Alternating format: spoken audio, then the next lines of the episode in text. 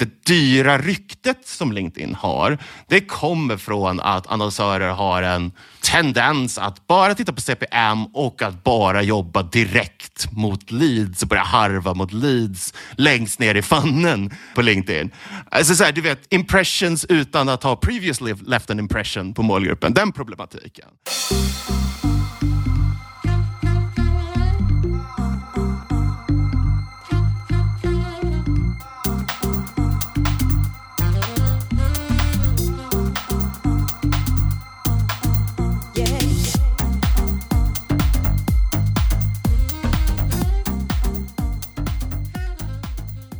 Välkommen tillbaka till Digital marknadsföring med Tony Hammarlund. Det här är en podd där jag intervjuar branschexperter och marknadsförare för att lära mig mer om digital marknadsföring. Mitt mål med podden är att bli en bättre marknadsförare och samtidigt dela med mig av intressanta samtal med några av Sveriges bästa marknadsförare. Den här veckan djupdyker jag i den nästan bortglömda kanalen LinkedIn Ads. Ett efterfrågat ämne och en kanal och annonsplattform som omgärdas av en hel del myter och missförstånd och som relativt få marknadsförare använder idag. Men för den som satsar på LinkedIn Ads så finns det inte minst en hel del unika möjligheter för targeting och att bygga riktigt häftiga målgrupper. Så jag bjöd in David Larsson som är Chief Strategy Officer på byrån Trickle som arbetar med innehållsdistribution och är bland annat med i programmet LinkedIn Agency Champions för de allra bästa på nordiska byråer. Och som om det inte vore nog så är han en van föreläsare samt kursansvarig och gästföreläsare på både Medieinstitutet och Bergs.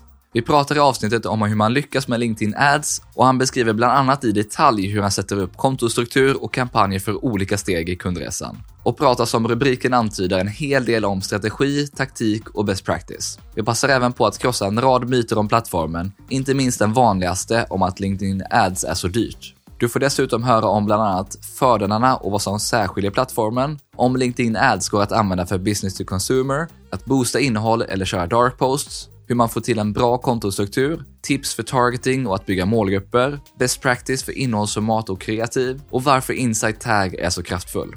David delar under intervjun många värdefulla tips, taktiker och insikter som expert på LinkedIn Ads. Och du får bland annat ta del av en riktigt smart taktik kring hur man sprider anställdas och ambassadörers innehåll. Så jag hoppas att du gillar avsnittet. Det finns som vanligt länkar till de resurser som nämns i poddlägget på tonyhammarlund.io och ett gäng länkar för dig som vill lära dig mer om LinkedIn Ads, så du behöver inte anteckna. David har även sammanställt ett antal länkar med bra artiklar kring LinkedIn Ads, plus en länk till LinkedIn Marketing Labs där du kan fördjupa dig i annonsering på LinkedIn och certifiera dig.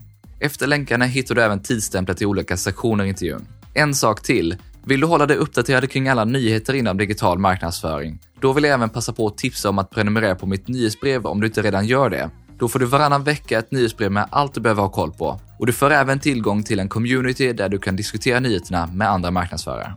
Innan vi kör igång poddavsnittet så vill jag även presentera e-commerce recruit som är sponsor och jobbpartner till både podden och nyhetsbrevet.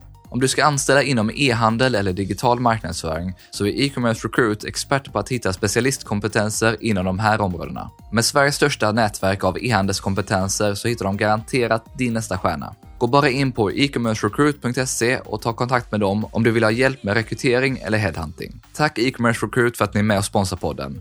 Nu kör vi igång avsnittet och David börjar med att förklara varför LinkedIn Ads är hans favoritplattform och de främsta fördelarna för oss marknadsförare.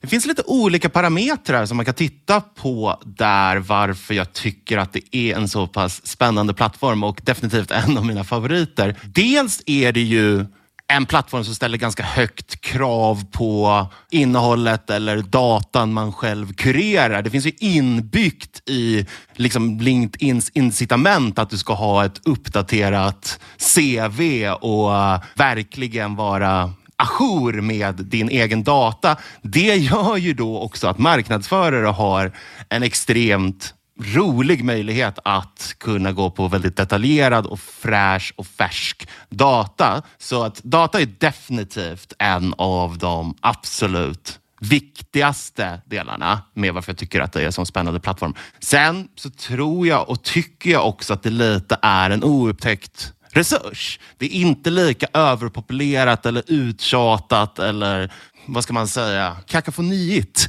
som Metas plattformar kanske är eller som, som Youtube är. Och det, när jag började jobba med LinkedIn Ads var det, det var en grej som jag märkte lite själv. Att det kändes som att så här, jag hade öppnat en, eh, eller jag hade fått nycklarna till en tom leksaksbutik after hours. Det var liksom som att jag hade lurat systemet. Här är det oupptäckta resurser, det är ingen som annonserar. Vi kan göra så supermycket spännande saker här. Ju. Har jag missat något? Exakt. Varför är det ingen exakt, här? Liksom? Exakt så, precis.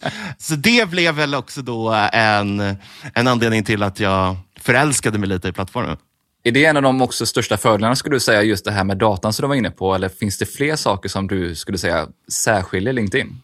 Ja, men datan är ju är absolut liksom, key i, i fördelarna. Det har ju också känslan av att vara lite mer profilerat business to business eller entreprenöriellt eller att prata om, om arbetsliv eller produkter och tjänster utifrån thought leadership-perspektivet. Och det är ju definitivt någonting som skiljer sig från de andra plattformarna och det är ju också en möjlighet, men det behöver inte betyda att det är det enda heller man gör på plattformen. Skulle också vilja säga att en av de stora fördelarna som LinkedIn har är ju LinkedIn Insight Tag som är, tycker jag, en ganska spännande pixellösning som inte bara ger webbplatsdemografi utifrån parametrarna som alla andra ger, utan det ger ju också detaljerad information om yrkestitlar, branscher, företag och dylikt. Och det är ju definitivt någonting som, som skiljer plattformen. Sen, om vi nu ska inte låta som att vi har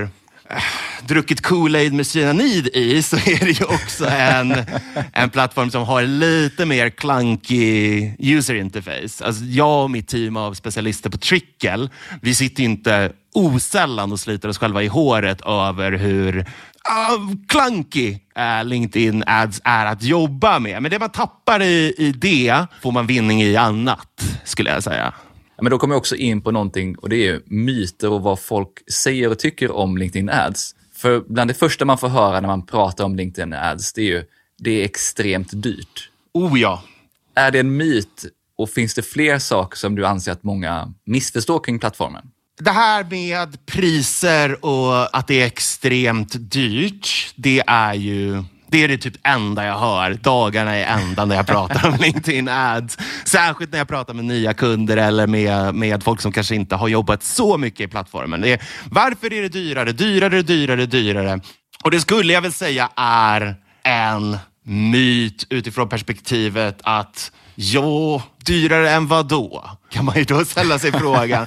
Alltså absolut, CPM-priserna på LinkedIn, de är inte vad de är på Meta. Man brukar prata om så här, men 200 till uppåt 600 i, i genomsnitt i CPM. Men jag har flertalet kampanjer där jag har också pushat ner det till 80-90, vilket kanske är liksom en konkurrenskraftig nivå. Men då ska man också komma ihåg där att ja, CPM-priset är ju baserat på att ja, men LinkedIn tycker ju att de har ett så pass starkt data inventory och de har insett sin konkurrenskraftighet där. De tar betalt för, för den vassa datan de har, men problemet är att tittar vi på det utifrån perspektivet dyrare, vi kan inte bara titta på CPM. Jag brukar ofta vända på det och titta på, okej, okay, men hur mycket kostar en kvalificerad videovisning till 100% eller 97% som det är i LinkedIn Campaign Manager. Jämföra det med Facebook, då är det helt, an, helt plötsligt andra, mer konkurrenskraftiga nivåer. Hur dyra blir kvalitativa leads på plattformen? Där vinner LinkedIn inte helt osällan. Det dyra ryktet som LinkedIn har, det kommer från att annonsörer har en tendens att bara titta på CPM och att bara jobba direkt mot leads och börja harva mot leads längst ner i fannen på LinkedIn. Alltså så här, du vet, impressions utan att ha previously left an impression på målgruppen. Den problematiken. Det var en myt som jag när jag började jobba med LinkedIn, jag upplevde ju den också från första början, eh, att jag tyckte så här, sat 500 spänn här medan mina Facebook-kampanjer tickar på för 50 CPM. Men jag gav mig lite fan på att knäcka den nöten och det, det som lossnade för mig då var att så här, det är inte plattformens fel att jag har dyrt CPM och förlorar aktioner som driver upp CPC utan CPV, utan det är quote unquote mitt fel. Hur kan jag börja stryka plattformen medhårs för att få äh, bättre priser och kanske gå från att titta på vanity-siffror och impressions, ska man verkligen ha en miljon impressions, till att titta på andra kopior och behandla plattformen utifrån den, det perspektivet. Eh, och där lossnade det verkligen för mig. Och sen frågade du också va, om det finns fler saker som myter, va? Ja, precis. Det här med att det är dyrt är ju det alla säger så fort man Ja. pratar om LinkedIn ads. Men det finns ju också ett i gäng med andra saker som jag ändå upplever att ja, men det är lite av myter eller saker som många missförstår kring plattformen. Och det är kul att höra vad du ser och du som också är expert på plattformen. En annan myt som jag ofta hör är att LinkedIn är en plattform där man inte riktigt har mindsetet för att möta annonsering på som man kanske har i Google eller i, i Metas plattformar. Och det, det tycker jag här och nu vi bara kan konstatera att det är ren bullshit. Eh, där är vi som skrå, vi som marknadsförare har behandlat plattformen lite styvmoderligt och slaskat med dåliga eh, annonser. LinkedIn-flödet, mitt LinkedIn-flöde, och jag tror att du eh, kan känna igen dig i det här Tony, tycker jag ser ut som en kommun powerpoint at best. Så där, där vill jag bara rikta en sån eh, välmenande känga till branschen att så här, skärpning. Andra myter som, som man eh, också möter på plattformen är att så här, man kan inte jobba konverteringsdrivet på LinkedIn. Det går ju hand i hand med att man tittar på dyra CPM och dyra CPC. Och där är det återigen, det blir definitivt jättemycket slöseri när man är och bara attackerar längst ner i funnen i vissa specifika perioder. Sen är man tyst på plattformen i fem månader och sen försöker man igen för man tänker, ah, men LinkedIn ändå, ah, men jag, jag försöker igen och så blir det dyrt och så, ah, så lossnar inte riktigt det där. Och LinkedIn är också kanske en sån plattform där det blir jättesmärtsamt att lämna den metaforiska kranen på. Eh, För att pengar kan rinna iväg, det kan det absolut göra. Men om man tittar på LinkedIn som en plattform där du kan jobba med alla steg av funnen, där du kan jobba med att nyttja din sida eller ditt företags connections för att driva in leads och driva in engagemang, driva varumärkets medvetenhet, så kan man verkligen också jobba konverteringsdrivet. Jag har drivit konverteringar och jobbar kontinuerligt för att driva både leads och försäljning från allt från liksom stora ingenjörsbolag som säljer borrlösningar till att sälja liksom elfordon på plattformen. Så att det går. Jag vill verkligen säga att, att att man inte kan jobba konverteringsdrivet är en ren och skär myt. Sen så tänker jag väl också lite på en myt som man ofta får höra är att det är rätt mycket dåliga annonsformat på LinkedIn. Det kanske du känner igen? Ja, det är någonting som jag, när jag pratade inför det här, jättedåliga placeringar och dåliga annonsformat. Yes, och jag tror att eh, anledningen till att många säger så är för att man har sett LinkedIns i särklass sämsta placering, text ad i högerkolumn. Eh, använd inte den. Och sen, när det kommer till andra format, jag tror inte att det är någon slags större hemlighet att LinkedIn sneglar en hel del på vad Meta, Facebook, Instagram gör eh, när det kommer till annonsformat. Så att det finns videoformaten, det finns karusellformaten, det finns single, ad image, single image ad-formaten som vi alla känner igen och använder man dem så har man oftast också resultat. Sen gjorde ju LinkedIn ett försök att kopiera Instagram också med kortlivat stories-initiativ, men det gick upp som en sol och ner som en ugnspannkaka. Sen pratade vi tidigare om att många gör misstaget i att tro att man ska kommunicera ett till ett hela tiden när man Ja. marknadsför på LinkedIn. Verkligen. Och där finns det ju studier till höger och vänster som, som säger det ena och det sjunde. Men jag tror också att det ligger någonting i det de här studierna säger. Det vill säga att särskilt för B2B eller för större SaaS, uh, eh, Software as a Service-bolag, så kan man inte bara jobba med att försöka be, uh, bearbeta en kontaktyta, en purchaser eller en säljchef. Utan det är kanske fem till tio personer som också har ett finger med i spelet att influera inköp eller influ, influera den här beslutsprocessen. Så man måste jobba med att kanske engagera vd-assistenten eller säljteamet där någon kommer att med största sannolikhet inom ett år eller två ta steget upp till att bli säljchef. Vad man ofta kanske glömmer bort är ju att var femte director level person byter ju jobb eller position varje år. Så att bara försöka bearbeta en kontakt eller tro att det är en specifik person eller en handfull specifika personer på ett bolag som man ska bearbeta. Där tror jag att man börjar, då börjar man slösa pengar på riktigt också. Men snarare ser det utifrån vilka personer har ett behov av att höra mer om ett varumärke eller tjänst. Vilka har, står i position att kunna influera beslut. Där blir det spännande på riktigt. Ja, men det här tycker jag är jätteviktigt för det blir en helt annat sätt man annonserar på när man tänker på det sättet än att bara tänka att jag ska nå IT-chefer och Ja. så jagar man bara IT-chefen hela tiden. Ja, exakt. Sen var en sak till som jag har hört många och det är ju det här med att det är bara rationella budskap och uspar som funkar på LinkedIn, ingenting annat. Ja, eh, och det är ju en ganska tråkig myt.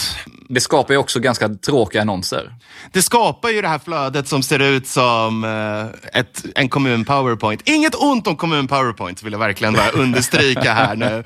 Men det kanske inte är alltid det eh, sexigaste innehållet. Nej men definitivt. Um, och jag, jobbar, jag har jobbat ganska länge med ett större ingenjörsbolag här i Sverige och vi har verkligen försökt ta fasta på emotionella budskap på plattformen. Att vad kan vi prata om som talar till den enskilda individen eller som, som är humoristiskt eller som är uppseendeväckande eller tugs at the heartstrings och sett väldigt fina resultat på det. Det här med att det bara ska vara rationellt, det uspar. Ja, det är det här längst ner i funnel-tänket och tro att okej, på LinkedIn går vi för att driva lead. Ja, absolut, men bearbeta med alla marknadsföringens konst och konster och regler dessförinnan. Där är inte plattformen ett unikum. Bara för att du är på LinkedIn så, så betyder det inte att du är i ett uppsökande USP-mode och vill veta exakt vad den här tjänsten kommer lösa för problem.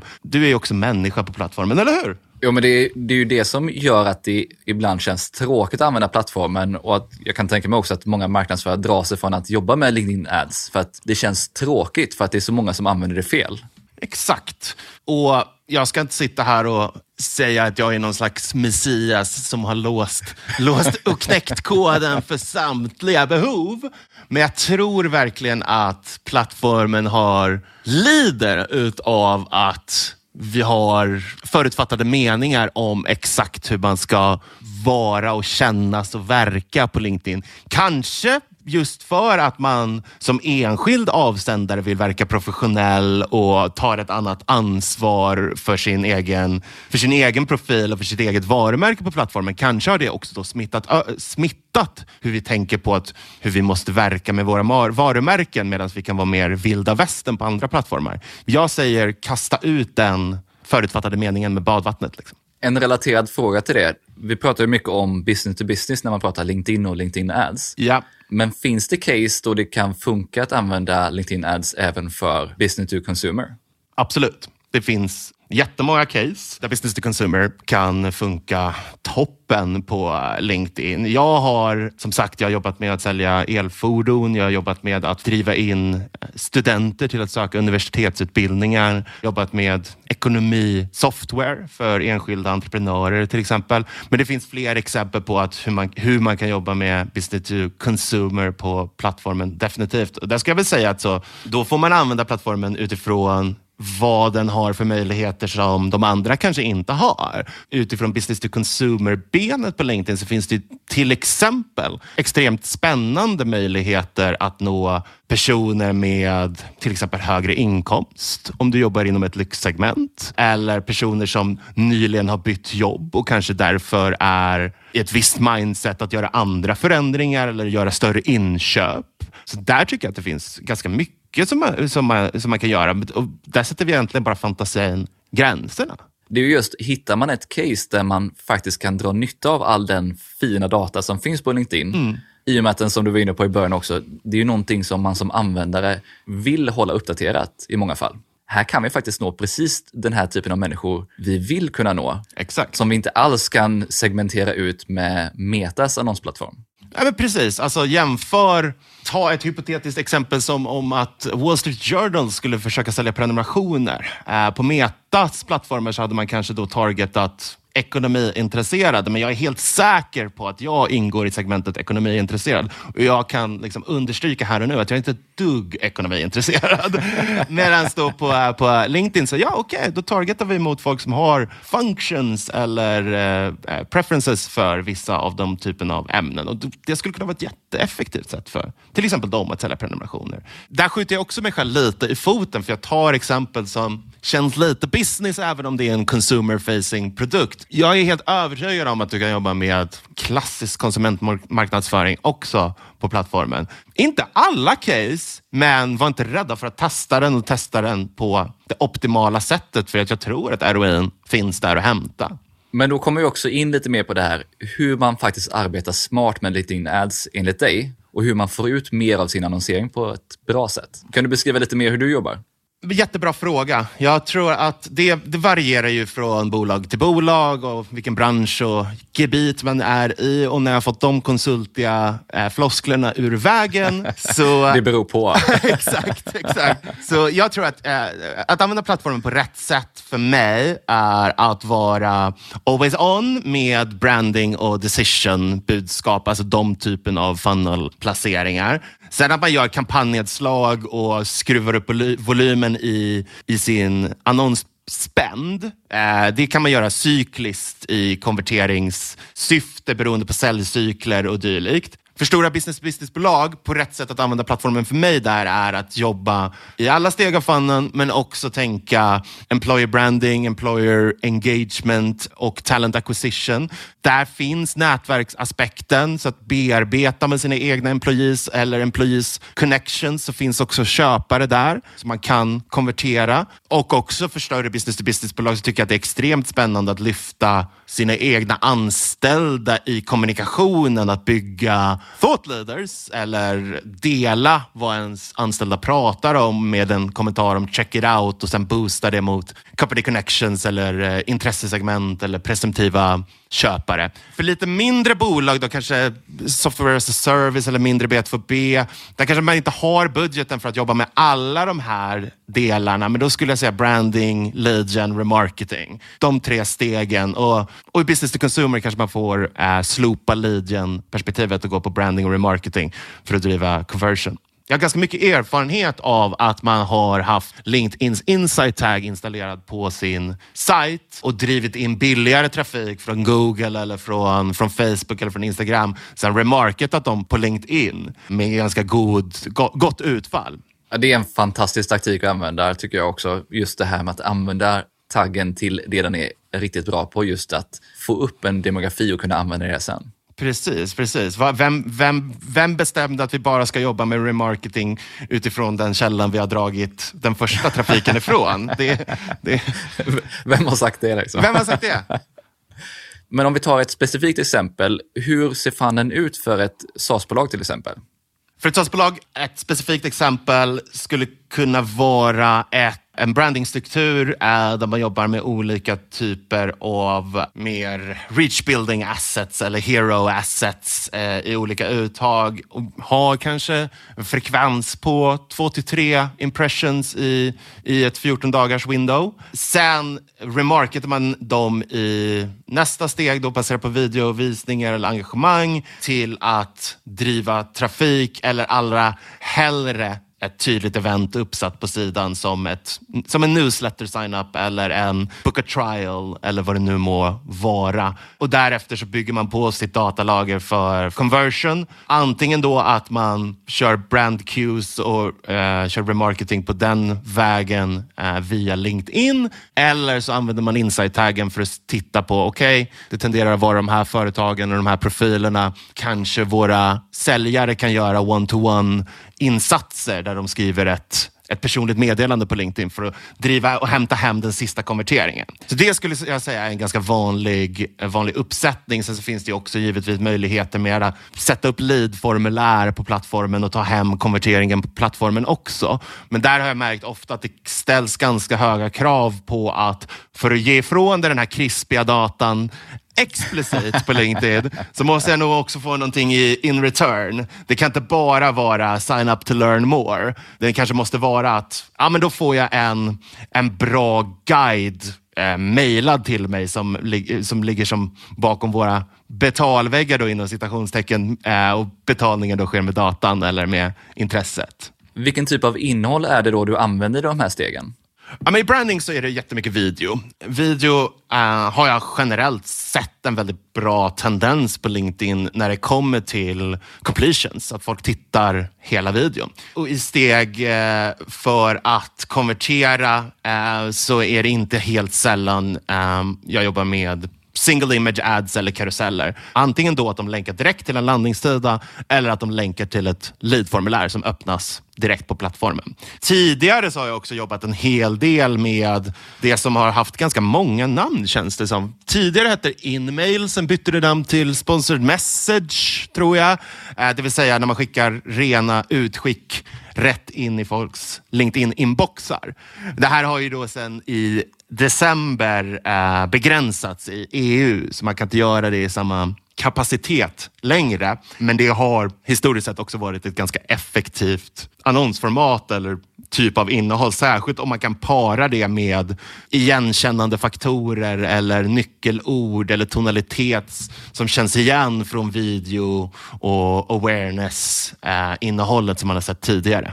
Ja, men det är jättekul, för det är ju det här som är intressant när man börjar jobba med LinkedIn för att missförståndet och myterna är ju, kommer ju ofta av att man har bara försökt jobba med en enda annons, man försökt konvertera eller försökt slänga upp bara ett leadsformulär och inte gjort någonting annat. Precis. Så det är jättekul att höra hur du tänker kring flödet och hur, man just, hur det hänger ihop och vilka innehållsformat du använder.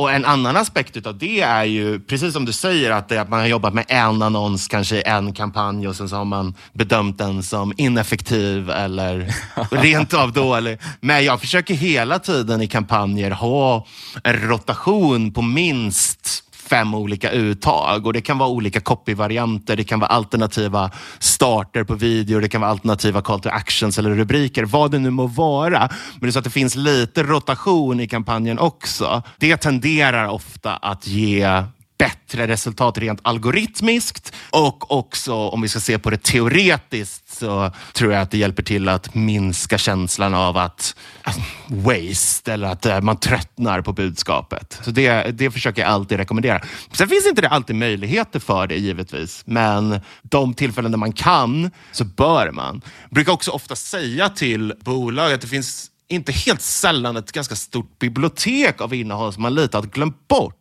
som ligger och skvalpar någonstans på en drive. Kan vi använda det till att göra liksom LinkedIn assets? Målgrupperna på LinkedIn har kanske inte sett det i den här kontexten tidigare. Med en, med en annan typ av copy eller med, med ett uppdaterat erbjudande. Så innehåll tenderar att ofta finnas och ligga och ja, som sagt skvalpa på någon drive någonstans. Det handlar om att suga in dem i, i kampanjerna och nyttja det också på LinkedIn. Och inte som du säger, bara jobba med en trött bild. För då är det ens taktik, då finns det bättre plattformar. Före jag fortsätter prata LinkedIn Ads med David så vill jag presentera Meltwater som är med och sponsrar podden. Du har säkert hört talas om Meltwater tidigare och man är kända för sina verktyg inom media intelligence och social analytics. Plattformen har global täckning och används idag av över 27 000 marknadsteam och team inom PR och social. Två av de främsta användningsområdena där plattformen verkligen skiner är mediebevakning och analys av både traditionella och digitala medier samt hantering och analys av såväl köpta som organiska kampanjer i sociala medier. Ett annat område där man har ett grymt verktyg som jag verkligen gillar är inom hantering och analys av influencer marketing.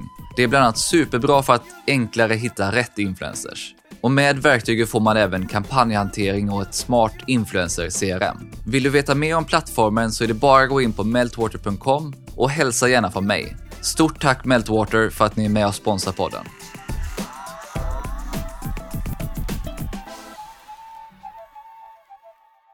Och när vi pratar om innehåll som ligger och skvalpar, hur är det då med att boosta innehåll kontra att arbeta med dark post eller traditionella kampanjer? Och hur kommer det in i det här flödet du jobbar med? Jag jobbar ju utifrån kampanjgrupper grupper som det heter på, på LinkedIn. Eh, en, del, en kampanjgrupp som nästan alltid har uppsatt är fans eller followers bearbetning. Där man kan jobba med ganska små budgetar men hela tiden lyfter in det senaste inlägget eller de senaste bra inläggen och säkrar den räckvidden mot ens befintliga följare. Det finns en väldigt stor utväxling av att om ens befintliga följare i högre utsträckning ser och engagerar sig med det innehållet så finns det en förtjänad räckvidd ovanpå det som är väldigt effektiv att, att få in. Eh, och det behöver inte kosta så himla mycket. Det kan ligga och ticka med några, några enstaka hundralappar egentligen på veckobasis. Men sen när det kommer till rent kampanjande så tenderar jag ofta att jobba med just dark posts. Och det har inte att göra med att jag säger explicit att dark post har en viss algoritmisk fördel över organiskt innehåll eller sådär. Utan det handlar snarare om att varumärken tenderar att vilja ha en viss profil organiskt på sin LinkedIn-sida. Man vill vara employer branding, man vill visa på fina medarbetarinitiativ eller vad man nu gör för att äh, göra gott i världen eller vad det nu kan vara. Om man då plötsligt börjar skjuta ut mer traditionella annonser i det flödet så blir det en sån abrupt skillnad där. Så det passar sig liksom inte. Sen finns det också aspekter av ja, så här, vi vill ju kunna UTM-tagga ordentligt och, och, den delen som gör, som gör ju att äh, dark posts är det jag oftast jobbar med i generella kampanjer. Men att ha den där lilla always on-puttret med, med att säkra räckvidden för, mot alla följare det är inte helt dumt. Tänker man också, också ofta på så stora varumärken eller eh, varumärken på, på LinkedIn generellt. Så, alltså följarbasen är inte helt sällan blygsamma. Så utnyttja det. Liksom. Det finns 20 000 personer som följer ditt varumärke. Varför inte stay top of mind där? Det kan också finnas en sån anledning att tänka sig, japp, det här är ett utmärkt tillfälle för oss att också bygga förtroende hos våra anställda. Titta vad vårt bolag gör. Och på tal om boostade poster, du nämnde det lite tidigare också, det här med ambassadörer, thought leaders och personer kring bolaget som man också kan använda i sin strategi. Och det var också en fråga som kom upp innan den här intervjun. Just, går det att jobba med det i sin annonsering och hur kan man göra det i så fall? Det går inte att som annonskonto gå in och söka upp David Larssons post och boosta den rakt upp och ner. Mig veteligen i alla fall. Däremot så jobbar jag en hel del med att hjälpa företag av att försöka se till att man lyssnar av vad anställda eller specifika anställda på bolaget pratar om på LinkedIn. Oftast så finns det ju någon på ett bolag från liksom tre anställda till 3000 anställda som är väldigt duktig på att posta på LinkedIn. Och det ska man försöka eh, tappa in i och utnyttja givetvis. Med ganska enkla medel kan man spåra eller spana efter dessa. Dela det från company-pagen, kanske lägga till någonting som att titta vad vår strategichef David skriver för vettigt här om LinkedIn ads. Sen går man in och boostar det, antingen då mot ens följare eller suger in det som, ett, som en annons i en kampanj och använder det mot specifika målgrupper eller mot specifika nätverk som man har byggt upp. Så man ska inte underskatta kraften i de egna anställdas vilja av att vilja vara smarta på plattformen, det har ju ofta en ganska positiv korrelation med hur ens varumärke anses vara. Ju. Så det är definitivt någonting som, som jag tycker att många kan arbeta mer med. Och sen det finns ju då varierande grader utav det där. Det är svårt att hålla koll på alla anställda på viss, om man är ett bolag av en viss eh, storlek så att säga. Men då kan man jobba med, det har jag gjort tidigare, att man identifierar, okej, okay, våran head of diversity och våra chefer inom research and development, de ska vi titta extra noga på, för de säger ofta smarta grejer som ligger i linje med hur vi vill bygga varumärket. Och det är gratis innehåll! Ja, det är väldigt många bolag som har lagt ner mycket tid och energi på att faktiskt låta de här ambassadörerna bli profiler på plattformen. Verkligen, verkligen. Du var inne här på det här med kampanjgrupper och till viss del kontostruktur. Och det är ju någonting som slår en direkt när man kommer in i LinkedIn Campaign Manager, just att det ser inte alls likadant ut som när man sitter i Business Manager eller Ads Manager för Meta. Så hur ska man tänka där? Definitivt. Så eh, det är lite av en annorlunda vy, det är lite av en annan äh, miljö och som vi har varit inne på tidigare så är det inte lika, eller inte lika smidigt kan man väl helt krasst konstatera. Men jag jobbar med en äh, typ av struktur där jag bygger så kallade kampanjgrupper. Kampanjgrupper som jag bygger har ofta då ett syfte syfte att tjäna. De kanske inte ligger alla aktiva samtidigt, men att man har en prospecting, en engagement, en branding eh, kampanjgrupp. I de kampanjgrupperna som man då kan sätta antingen livstidsbudgetar på eller budgettak eller perioder så går man sen in och så bygger man en kampanj. En kampanj på LinkedIn är lite mer vad vi skulle se i typ ett Meta Ads Manager som ett adset egentligen. En kampanj är låst till i princip en målgrupp. Du kan ju ha en bred målgrupp, men du vill ju ha kanske en kampanj för varje specifik målgrupp för att kunna följa upp på UTM-basis och så. Och så är kampanjer också låsta till ett annonsformat per kampanj, just nu i alla fall. Ska jag gå med både video och bild eller karusellannonser mot min prospecting-målgrupp, ja då måste jag ha två kampanjer. Redan där börjar det bli ganska yxigt, som du kan, säkert kan tänka dig. Om man då har fem målgrupper, så vill du, ha, vill du ha bild och video, då har du helt plötsligt tio kampanjer. Men där får man hitta en struktur eh, där man kanske kör omlott också för att inte konkurrera så mycket med sig själv, så att säga. Och sen så jobbar jag också då med, i de här kampanjgrupperna som jag, som jag nämnde, så har jag oftast eh, en remarketing eller en audience list eller custom audience målgrupp där jag går in och sätter upp eh, den typen av kampanjer. Det här är ju, jag har ju fått lyxen att kunna jobba med lite mer lite större budgetar på LinkedIn och då pratar jag kanske mer än 20 000 kronor i månaden. Och då kan man verkligen jobba med ja, men så, ha en employee branding, ha en engagemang, ha en prospecting, ha en konverteringskampanjgrupp. Sen får man ju Beroende på budgetstorlek där så får man kanske skala ner och upp antalet man har. Men så går jag ofta in och lägger upp det. Det ger också en ganska skön vy för mig som optimerare att kunna gå in och zooma in på ett objektiv. Det här, nu ska jag lösa mitt, min kund eller företagets utmaning inom att driva leads. Ah, då, okay, då går jag in i kampanjgruppen för leads. Vad har jag för aktiva kampanjer där? Optimerar dem mot varandra, ändrar, ändrar om budgetar och så vidare. Och så vidare. Och sen Ja, icke att förglömma då, remarketing. Uh, video, Insight tag eller Website remarketing finns ju, eller retargeting finns ju på plattformen. LinkedIn har också nyligen introducerat eh, remarketing på bilder, vilket jag ser som någonting som jag är väldigt taggad på att lära mig mer utav vad det har för effekt. Jag jobbar också med att försöka spara målgrupper så att jag har inte superdynamiska målgrupper utan jag försöker hålla dem statiska över lite längre tid. Dum grej återigen i LinkedIns UI då, men går jag in och sparar en audience i en kampanj som jag bygger, då är den bara kopplad till mitt konto. Så min kollega kan inte gå in och hämta den. Det kan man säga vad man vill om. Men eh, jag har ofta väldigt mycket sparade audiences så att jag kan liksom gå in och så här, så att när jag bygger en kampanj från scratch så behöver jag inte göra alla de inställningarna utan jag vet att det här är de vi vill rikta oss mot för mitt specifika, min specifika kund eller det specifika företaget. Så det snabbar ju på processen lite. Men det tar lite tid att bli, bli kompis med, eh, med, deras adsman, eller med deras campaign manager. Det kan jag definitivt säga. Men då kommer vi in på två saker, både retargeting och att faktiskt bygga målgrupper i verktyget. Så om vi tar målgrupperna först, för det är ju någonting som verkligen särskiljer LinkedIn. Så vad har du för tips när det gäller targeting och att skapa målgrupper?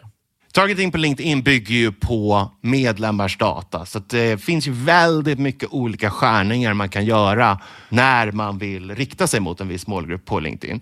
Det som folk tror jag ofta tänker på är företagsnamn, bransch, jobbtitlar. Men det finns ju andra ytterligare parametrar som hur mycket ett bolag växer i revenue, vad folk har för utbildningsnivåer och skolor de har gått på, enskilda färdigheter eller intressen eller grupper. Men framför allt så bygger jag oftast målgrupper med funktionen function, job functions. Det första jag lärde mig var att det går liksom inflation i jobbtitlar och man kommer liksom inte kunna täcka in alla. Så att om man ska sitta och skriva manuellt, HR-specialist, HR-manager eh, eller vad det nu må vara. Istället så kan man gå in och välja funktionen human resources. Ah, helt plötsligt så har man en bättre utväxling och bättre kampanj. Sen så skulle jag sekundärt också då säga att jag har lärt mig av att jobba med plattformen är att visst bygga presumtiva personas eller kundprofiler, men gå inte för snävt i topp funnel. Gå inte bara på chefslagret för alla andra budar på chefslagret. Där är det återigen att försöka vara kreativ och identifiera de här andra decision makers eller influenserna inom ett bolag som finns kopplat till det målet man har också en lärdom som jag har haft, eh, lärt mig den eh, hårda vägen att kön och ålder, det är, det är valfritt på, på LinkedIn Affiliate. Kön och åldersdemografi är någonting som jag försöker hålla mig borta från. Jag tror till och med att det är som så att LinkedIns algoritm faktiskt försöker ibland identifiera kön på namn och där kan ju namn som typ Kim bli problematiskt till exempel.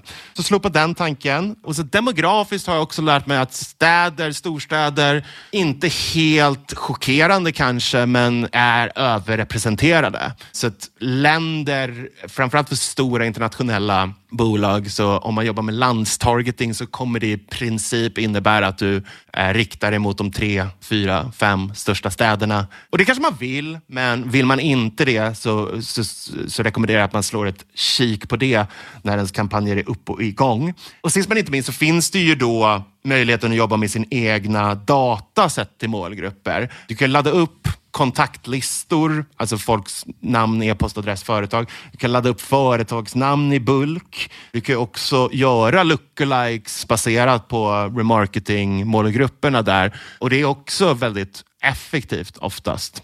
Eh, det är väl kanske då mid-funnel-perspektivet. I top-funnel försöka gå relativt brett, gå på att identifiera så mycket decision makers som möjligt baserat på funktion och den typen av parametrar och kanske till och med ibland ta hjälp utav LinkedIns expanded targeting-funktion. Den kan hjälpa till att hitta företag eller branscher lite utanför vad man själv tror är det absolut mest viktiga. Och sen i midfunder går man mer mot ja, lookalikes eller den typen av taktik. Ja, men det här är jättebra tips för många fastnar i den här jobbtiteln framförallt som du var inne på där i början. För det är ju ett oändligt arbete man får, får göra om man börjar det spåret faktiskt. Exakt. Jag hade titeln Distribution Director förut, vilket eh, innebar att jag jobbade med innehållsdistribution, men jag fick väldigt mycket annonser på LinkedIn som var liksom shipping, för de tänkte att det var den typen av distribution som jag, eh, som jag sysslade med. Så att jobbtitlar, nej, det är eh, försök inte sätta den helt perfekt, för det kommer du aldrig lyckas med tror jag. Utan där är funktion i kombination med branscher eller skills och intressen mycket vassare. Och sen är det väl som du var inne på där också, att inte gå allt för snävt, för det är väl det många har gjort. Mm. Det är väl en kombination också av att man har datan, plus att man tycker att det här är jättedyrt. Så att nu ska vi bara nå precis de vi vill nå. Ja, men precis. Och då missar man ju det sättet som man jobbar i många andra kanaler, att man försöker låta plattformen och AI göra sitt att faktiskt hitta rätt personer. Ja, men precis. Och Jag tror att det kan också vara en sån anledning till varför det upplevs som dyrt. är att Jag går jättesnävt. Medlemmar är inte inloggade på LinkedIn varje dag. Du och jag är kanske Tony, men inte gemene man. Och då, är, då är ditt inventory så pass litet och då är kanske till och med så pass konkurrensutsatt. Det är många som budar på det. Så det trissar givetvis upp priserna, bara det. Och så budar man på IT-chefer bara också. Precis, precis. Då kommer du sitta där med ett CPM på 800 och bli vansinnig när det är rapporteringsdags. Liksom. Så att, äh, våga släppa på den äh, säljarnas audience persona och istället låta AI, låta plattformen, låta innehållet driva var intresset faktiskt finns. Det här är inte unikt för, precis som du är inne på, LinkedIn. Men jag tror att många glömmer bort den aspekten. Och på tal om det, hur bra är LinkedIn på att driva mot de mål man optimerar för eller konverteringarna? Väldigt bra. Alltså där, där, där, är den i, där är LinkedIn och konkurrerar med Google och Meta definitivt. Särskilt om du sätter emot en konvertering mot, som är uppsatt med ett event med insight-taggen eller om du optimerar mot, ett, mot en konvertering som kanske är en lead inskickad på plattformen eller dylikt. Där, där, där fungerar systemet väl skulle jag säga. Och sen har vi retargeting. Vilka möjligheter finns det att jobba med retargeting på LinkedIn och hur jobbar man bra med det? Den första möjligheten är ju eh, givetvis webbplatsbesökare med hjälp av deras insight tag eller pixel. Och där skulle jag rekommendera att du kan inte börja jobba med remarketing efter att ha haft din insight tag installerad i en månad. Utan du måste låta en tillräckligt stor användarpool byggas upp innan du kan börja aktivera den typen av remarketing. Sen finns ju då också möjligheterna för remarketing till video. Det här känner vi igen från andra plattformar baserat på hur många procent användare har tittat på, din, eh, på ditt videoinnehåll. Det finns möjlighet till remarketing numera också på bild engagemang i kampanjer. Det finns också remarketing baserat på om man har öppnat lead-formulär men inte konverterat till exempel. Så där får man ju då sätta sin remarketing-taktik baserat på vad det är man är ute efter att driva hem för mål eller målsättning man har. Att jobba med remarketing på, på lead-formulärsöppningar kanske man ska göra som absolut sista steg. Eller det finns också möjligheten att jobba med remarketing på de som har varit inne på din LinkedIn-profil. Det kan vara ett bra steg att ta en användare från första awareness vidare in i nästa steg utav funnen. En bra remarketing-strategi kräver ju att man också tänker på det som har föranlett att användaren har blivit en datapunkt i din lista så att säga. Och där jobbar jag också väldigt mycket med att försöka att i de här kampanjgrupperna jag var inne på tidigare, försöka också utesluta användare så att det blir naturligt för i resan att har du bearbetat tillräckligt mycket i branding och uppfyllt X, Y, Z, till exempel sett två filmer mer än 50 procent, ja men då åker du in i nästa kampanjgrupp decision och sen så exkluderar jag de visningarna från branding så att jag slipper betala för dem i båda stegen. Likadant så kan man jobba där med att försöka ha en nära dialog med, med säljare till exempel. Att exkludera leads som har gått från kalla till varma till sälj. Kanske rent av på företagsnivå, men definitivt på, på enskilda kontakternivå eller baserat på vad de tidigare gjort i kampanjerna. Eh, så minskar man också den här uttjatningsperspektivet som rätt ofta kan ske med remarketing om man inte jobbar med silkesvantar på där. Och det är inte unikt för LinkedIn, men att det är kanske någonting som inte helt sällan glöms bort. Jag tycker också att det är extra framträdande på LinkedIn det här med att man ofta lämnar den typen av annonsering på väldigt länge och kör väldigt hög frekvens på det också. Exakt, exakt. Och det kan ju vara snäva targeting eller det kan vara att man inte tvättar sina listor eller jobbar systematiskt på det viset som jag var inne på tidigare. Och det, det har ju en negativ eh, effekt, det tror jag definitivt. Så att kan man försöka undvika det så är mycket vunnet. Man tröttar ut målgruppen, det blir mycket dyrare att köra annonserna och så får man sämre resultat. Det är en så klassisk lose, lose, lose situation, eller? Du var inne lite tidigare på annonsformaten och hur du använder dem inne i dina flöden. Men har du några tips eller viktiga saker man ska tänka på i sina kreativ på LinkedIn? En sak som man måste tänka på är copy på, på LinkedIn. LinkedIn är inte supergeneröst när det kommer till textlängd, utan det, det kapar av med en sån read more-knapp ganska snabbt. Nu har jag inte exakta teckensiffror i, i huvudet, men så kort och snabbt snappy copy istället för att försöka överförklara i varje enskild annons. Det är definitivt någonting jag tycker man ska tänka på. När det kommer till video så bortsett från det här som vi har pratat om tidigare, emotionellt versus rationellt. Jag tycker definitivt man inte behöver bara vara rationell. Så tänker jag väldigt ofta på den traditionella story-arken versus den emerging story-arken. Det här är ju tankar som Youtube och Google har lanserat, men eh, som funkar väldigt bra att lyfta in på LinkedIn i hur man klipper och tar ut sina videor för att behålla folks intressen. När det kommer till video vidare så kan man också ta sådana aspekter av att så här, det är inte Square-video definitivt, men LinkedIn tittas också, eller LinkedIn används också tämligen frekvent på desktop så du kan jobba med landscape eller liggande videos utan att behöva göra den här formatsdansen som, eh, som contentproducenter så ofta hatar när man ska liksom ta ut det i 1.1, 9.16, 69, 4.5. För det är ju alltid lätt att göra med all typ av videomaterial. Precis, precis. Men, jag jobbar nästan uteslutande med liksom video ads, single image och carousels. Uh, och sen så finns det de andra formaten. Jag, jag har nämnt den värdelösa värdelösa text-ad i högerkolumnen så den behöver vi liksom inte ägna energi åt. finns också en, ett annat annonsformat som heter Spotlight Ad. Den ligger också i högerkolumnen men den är lite, lite bättre och den fungerar väldigt bra att anskaffa talang, så mer employer branding-spåret. Men det, vad den gör är att den suger in din profilbild på LinkedIn tillsammans med ett företags logotyp och en kort CTA. Det kan vara ett ganska effektivt sätt att, att få talang att öppna upp ögonen för, för ditt varumärke. Men det kan också vara ett effektivt sätt att få användare att gå in på din LinkedIn-profil. Helt plötsligt så är ju de då också möjliga att göra remarketing med. Så man behöver inte heller se det som en helt värdelös resurs. Även om nio fall av tio så jobbar man med de här klassiska formaten som känns igen från andra plattformar. Två följdfrågor där. Först, copyn. En sak är ju att LinkedIn kapar copyn, men hur är det med lång versus kort copy? I de test jag har gjort så är show, don't tell, alltså kortare copy, mer effektivt i annonseringssyften.